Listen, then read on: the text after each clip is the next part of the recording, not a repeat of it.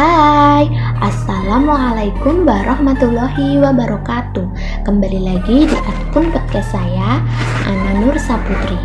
Hari ini saya akan membawa membacakan sebuah teks drama yang berjudul Hasil Kesombongan yang Bertuan karya saya sendiri, Ana Nur Saputri. Selamat mendengarkan ya. Hasil Kesombongan yang Bertuan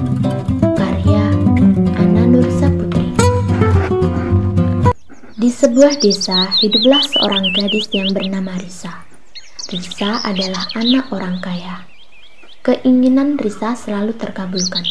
Risa adalah pasangan dari suami istri Zulaikah dan Ramadi. Kedua orang tua Risa selalu memanjakan putri tunggalnya itu. Pada suatu hari, seperti biasa, Risa hendak pergi ke sekolah. Tiba-tiba, salah satu seorang pembantunya tanpa sengaja menumpahkan minuman di baju Risa. Bi, cepat siapkan jus buah jeruk untukku. Baik, Non. Bi, kok lama sekali sih? Udah haus nih. Aku juga buru-buru mau pergi ke sekolah. Iya, Non. Ini sudah siap. Pembantu Risa berjalan dengan terburu-buru dan tanpa sengaja justru itu menumpai baju Risa.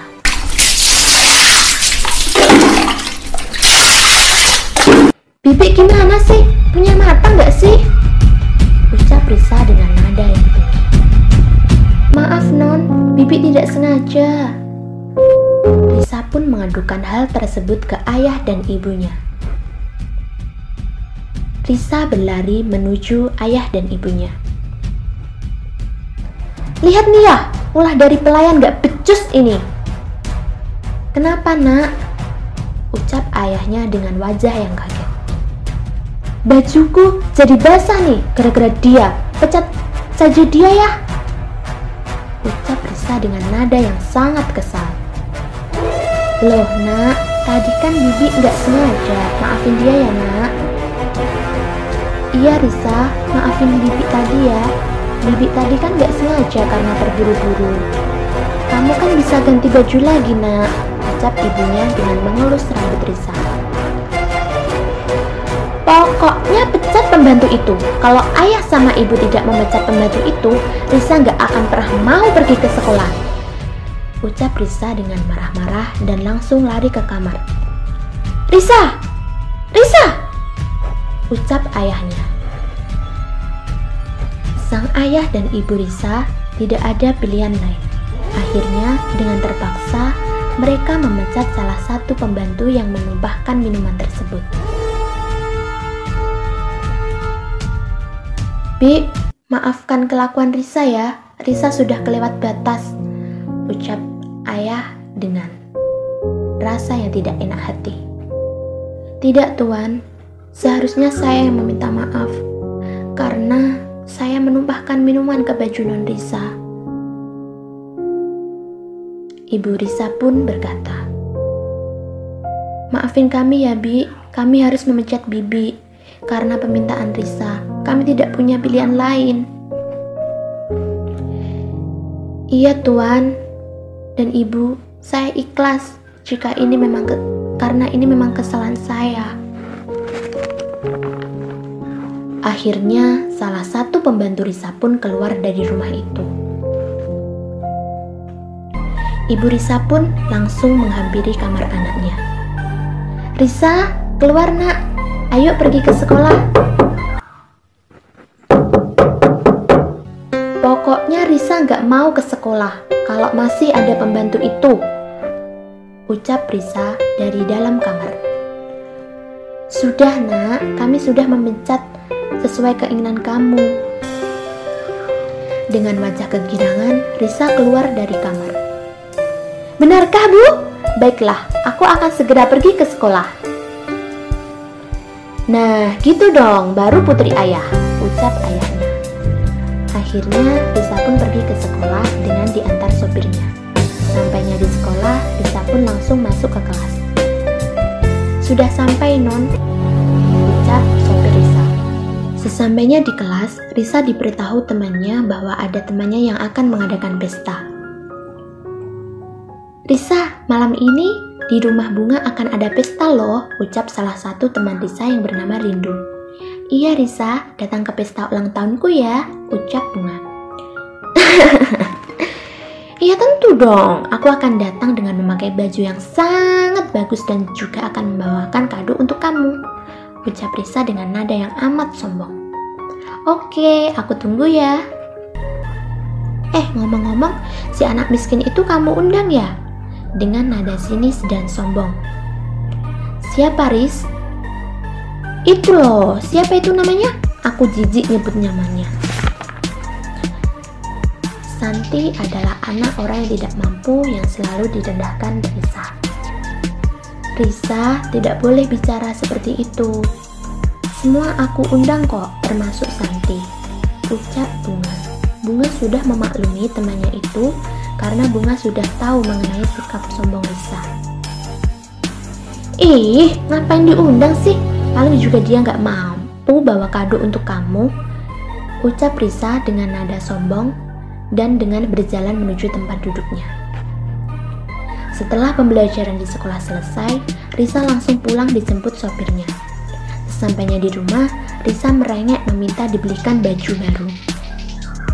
Ayah, belikan aku baju pesta baru, karena aku nanti malam akan menghadiri pesta ulang tahun temanku. Tapi Risa sayang, bukankah baju pestamu masih banyak dan bagus-bagus di lemari? Ucap ayahnya.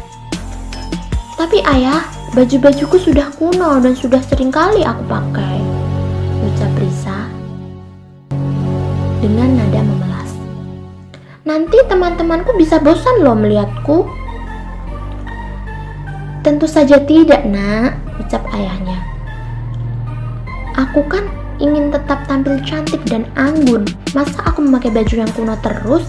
Kan gak lucu ya.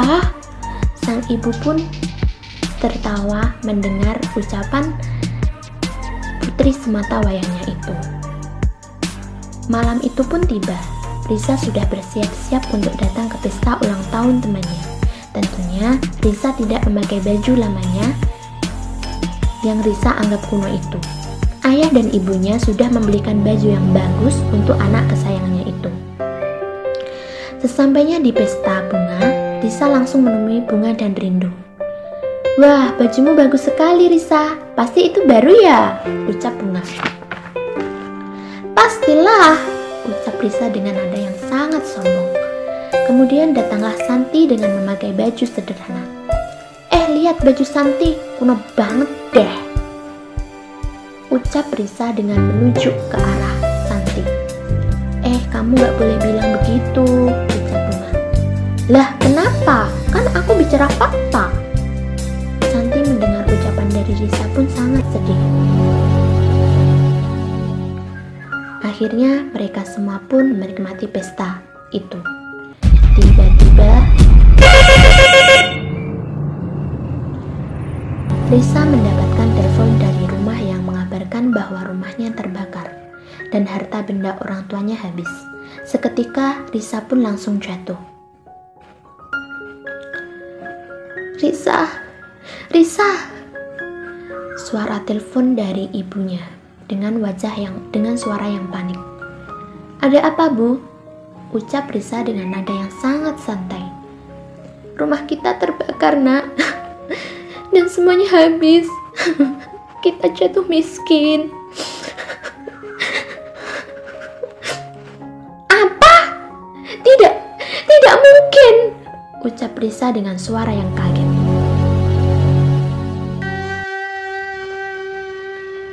Santi yang melihat kejadian itu pun langsung mendekati Risa.